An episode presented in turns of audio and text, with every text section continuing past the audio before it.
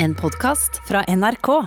Konsertturné som hyller Jahn Teigen er i krise. Kulturministeren lovet først støtte, men så ba han alle om å avlyse. Og ingen vet hvem som skal dekke tapene. Flere føler seg lurt og forvirret, det forteller Tone Østerdal, og det kan også produsent Trond Myhre skrive under på. Og det er klart det er frustrerende. Trond Myhre er produsent for framsyninga 'Gratulerer med Jan', som er en hyllest til Jahn Teigen. Jeg har et håp hver gang jeg går omkring i blinde. Flere av Norges fremste artister er med, annet Gaute Ormåsen, Lise Karlsnes og Atle Pettersen. Og vi tenkte at når det skal stimuleres, så må vi liksom holde på den entusiasmen, og at ikke den ramler ned. For da Kulturdepartementet kom med stimulerings- og kompensasjonsordning i fjor for å stimulere til aktivitet, var Trond Myhre blant de som tok oppfordringa, og planla 20 konserter for starten av 2021. Så vi har sittet og gleda oss på dette her. Men rett før årsskiftet kom det en ny oppfordring fra kulturministeren, nemlig å avlyse eller utsette konsertene på grunn av smittesituasjonen. Og simuleringsordninga, som i utgangspunktet skulle fortsette inn i 2021, men med ei ny utforming, lot vente på seg. Og vi venta og vi venta og vi venta, og vi planla å dra på turné. Og så kommer januar, og så er det ikke noe stimuleringsordning! Og så kommer 10. januar, så er det fortsatt ikke noe stimuleringsordning! Og nå er det sånn at vi står liksom og sparker med flybilletten og bussbilletten i hånda, men så tør vi ikke å dra, da, for vi har ennå ikke fått noe stimuleringsordning! Uvissa har ført til at de allerede har måttet avlyse fire konserter, og de vet ennå ikke om de vil bli kompenserte for dette. De kan risikere å tape flere millioner, og det verste for Myhre er at de ikke får svar fra Kulturdepartementet om veien framover. Det er nok flere som deler denne frustrasjonen og usikkerheten nå. Det sier Tone Østerdal, leder i Norske konsertarrangører. Hun forteller at flere føler seg lurt og forvirra av de manglende vedtakene. Eh, og da er det også frustrerende for mange at ikke vi har eh, mer klarhet i hvordan krisetiltakene til Kulturdepartementet skal innrettes. Kulturminister Abid Raja svarer at pga. ny nedstenging av landet har de måttet bruke lengre tid enn antatt på å innrette de nye ordningene, og lover at det skal bli klart så fort som mulig. Kultursektoren de skal kjenne på at regjeringa har stilt opp for dem frem til nyåret og det akter vi også å gjøre i fortsettelsen. Vi jobber selvfølgelig også med løsninger for hele januar måned, og vi kommer til å komme raskt tilbake til det. Tone Østerdal mener derimot at Kulturdepartementet burde ha fått avklart dette mye tidligere. Vi mener jo at disse ordningene burde vært på plass for lenge siden, og at vi trenger både en stimuleringsordning for lang sikt utover våren, men ikke minst at også at vi trenger en kompensasjonsordning som som gjør det mulig å fortsette å ta den risikoen som kulturministeren tross alt har oppfordret kulturarrangørene til. Og trass i stor uvisse velger Trond Myhre å være Optimist. Vi håper vi kunne spille den, og vi håper at kulturministeren gir oss lov og trygghet til å gå på den scenen og synge nettopp. Optimist,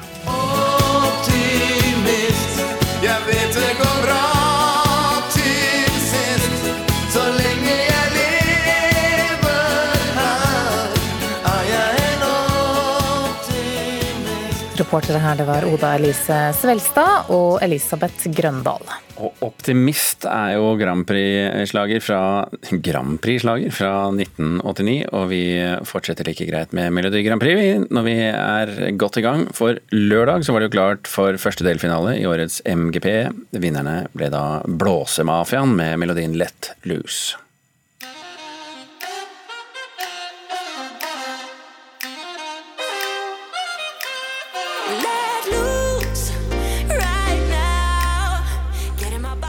For få minutter siden, og ja, nå er klokka ti på halv ni, for få minutter siden så ble det kjent hvem som skal utfordre hverandre i neste delfinale kommende lørdag. Reporter Thomas Alvarstein Ove, har du klart å spore dem opp? Vi har sporet opp de fire neste artistene. For i år så er det sånn at det er seks forhåndskvalifiserte finalister. Men de neste lørdagene så er det fire hittil ukjente artister som skal duellere mot hverandre. Og en av de, Den første som skal ut i uh, ilden nå på lørdag, er Ray Lee. Hallo. Du har vært med flere ganger før, senest i fjor. Du har endret mye på håret. Har du endret noe på musikken? Du så det, ja. Ja, altså, det var som jeg sa i stad. Jeg tror eh, håret står til stil med låta. Du var en av de mest strømmede eh, artistene som var med i finalen i fjor. Eh, Gir det deg et godt grunnlag, tror du, for å, å eh, gjøre det bra også i år? Selvfølgelig var det gøy at låta mi i fjor gikk kjempebra, men jeg tror ikke det har noen ting å si. Helt ærlig. Selv om jeg så gjerne skulle håpa på det. Men jeg må nok bevise om igjen at dette her, dette er jeg god for. Hvor funky blir det denne gangen? Funky. Vi skal tilbake til 80-tallet. Mhm. -hmm. Jeg gleder meg skikkelig til å vise hva for et show vi har forberedt. Eh, ja, det blir veldig, veldig gøy. Vi får sende deg inn bak glitteret glitter her, kanskje, og så skal vi høre med Daniel eh, Owen, som eh, noen kanskje husker fra eh, Norske Talenter i 2011. Da danset du deg til seier. Nå skal du synge. Hvorfor har du endret uh, talent, hvis vi skal si det sånn? Eller trukket fram et nytt talent? Ja, dansen er jo der fortsatt, men uh, jeg bare Altså, musikk har alltid ligget der hos meg, og uh, jeg har alltid sett opp til artister som har både kombinert sang og dans, så jeg fant ut senere at det var noe jeg ønsket å gjøre selv, og eh, hvilket annet program enn MGP kan man det, det er jo ikke et annet program som er mer perfekt å vise det fram på, føler jeg da. I denne kvartetten som skal konkurrere nå på lørdag, så er du den eh, yngste. Eh, hva slags musikk har du å by på? Eh, Jeg føler at jeg har eh, Det er kanskje litt eh, utradisjonelt i forhold til hva MGP er vant til, men jeg føler at jeg kan komme med noe nytt, og jeg kan love dere et eh, ganske kult og flott show med masse dans. Maria Solheim eh, er en kjent artist fra før for mange, men det er første gang du er med i Grand Prix. 20-årsjubileum som artist i år. Hva er det da som frister med Grand Prix? Og det, det er ganske mye. Eh, For det første så er det en spennende opplevelse. Og så er det Altså det er jo en konkurranse som har veldig stor takhøyde. Det er mye forskjellig. Alt har liksom plass. Eh, Så eh, i år håper jeg at jeg kan eh, bringe inn litt Både litt nærhet og varme og kanskje litt liten smule merkelighet også. Blir det med, med andre ord Maria Solheim som vi kjenner deg som artist? Det, jeg tror nok at det vil være relativt lett gjenkjennelig.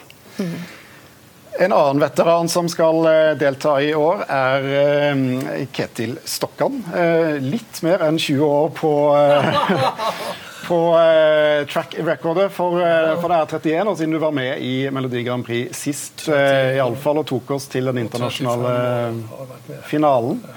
Eh, hva er det ved det sagemuggene i årets eh, sirkus som eh, lokker deg? Jeg tror det gir seg. Jeg tror det er det, Du vil nesten få det samme svaret fra de aller fleste. Det. Vi har, vi har mista hele konsertmarkedet i 2020. Vi er sugen på å treffe publikum, og når det dukker opp en anledning der vi kan treffe publikum gjennom dette mediumet, så, så griper vi begjærlig. Om du spiller tungrock, eller om du spiller vise, eller pop, eller rock, eller funk, eller hiphop. Jeg Alle er jo her. Det er jo så mye flinke folk her til NIFS. og det er jeg for min del har, jeg har aldri vært så nervøs. så, og det, må bare medgi det. altså. Jeg er en oldboys i lag med masse unge, kåte artister som har gode låter, og som er forferdelig flinke å danse og sånn. Så eh, det blir spennende.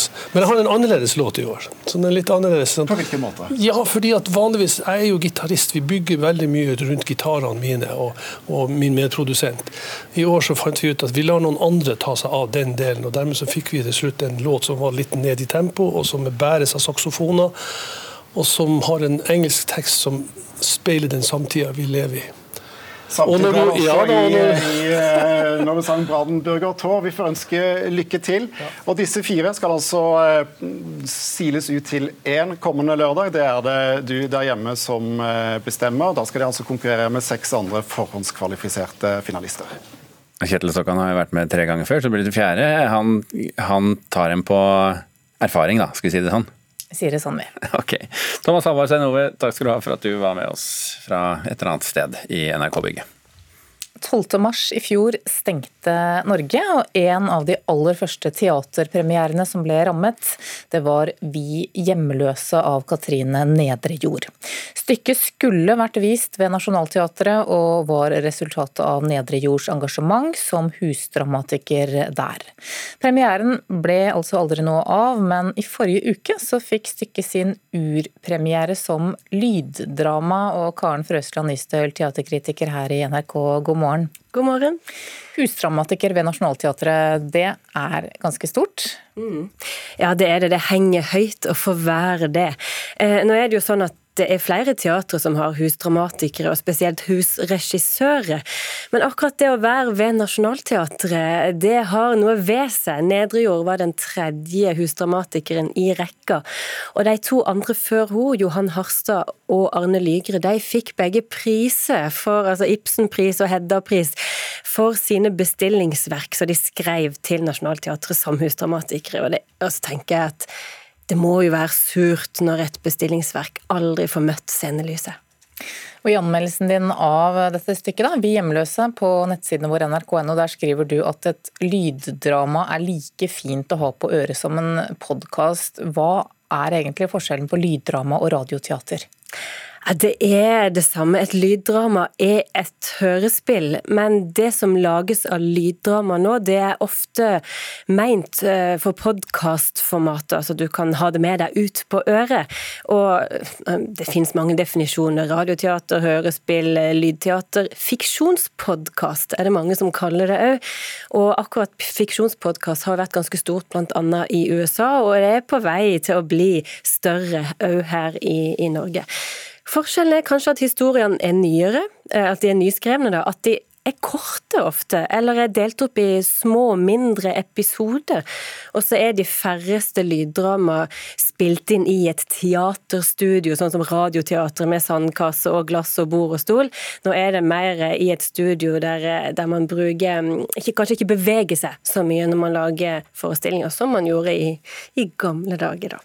Vi skal høre et klipp fra stykket Vi hjemløse. Mamma! Du hadde rett!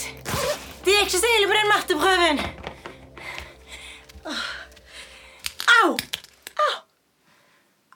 Hvorfor er det så mye glasskår her? Au! Ai. Hvorfor er det så mye rot her? Mamma? Ja, her hørte vi Selome Emnetu som datteren i Katrine Nedrejords lyddrama Vi hjemløse. Og Karen Frøsland Nystøl, er det et uh, godt stykke? Det er ikke så godt som jeg hadde håpt på, og det er rett og slett fordi det er skrevet om fra scenedrama til lyddrama, tror jeg det oppleves ganske komprimert når du hører gjennom det. Um, og det kretser rundt en tragisk hendelse. Vi hørte opptakten til denne her. Uh, det avsløres da helt i starten, denne, denne tragiske hendelsen, og resten av stykket, som varer ca. 20 minutter, tar inn bakgrunnen for denne hendelsen. Og det handler om en familie som har eh, vært på flukt og har landa i Norge etter langtidsflukt. langtidsflukt. Skal finne seg til rette, bygge seg sjøl opp igjen og finne sin identitet. Og det er noe med å klare å gjøre alt dette på den korte tida som 20 minutter. Fortelle en bakgrunnshistorie, gjøre den sanselig sånn at vi som lyttere blir med inn i den. Fortelle nåtidshistorier og òg bygge opp til at vi skal forstå hva som er bakgrunnen for det som skjer, det som er problemet i dramaet. Det er en interessant historie. Den er litt for lite sanselig, spør du meg, og så er den for kort fortalt. Men Tror du at lyddrama er en uh, sjanger da, som vi kanskje kommer til å høre mer av fremover? Ja, ja det tror jeg, og det håper jeg òg, for det er et godt alternativ til å strømme forestilling eller til å gjøre alt uh, skjermdigitalt, da, for å si det sånn.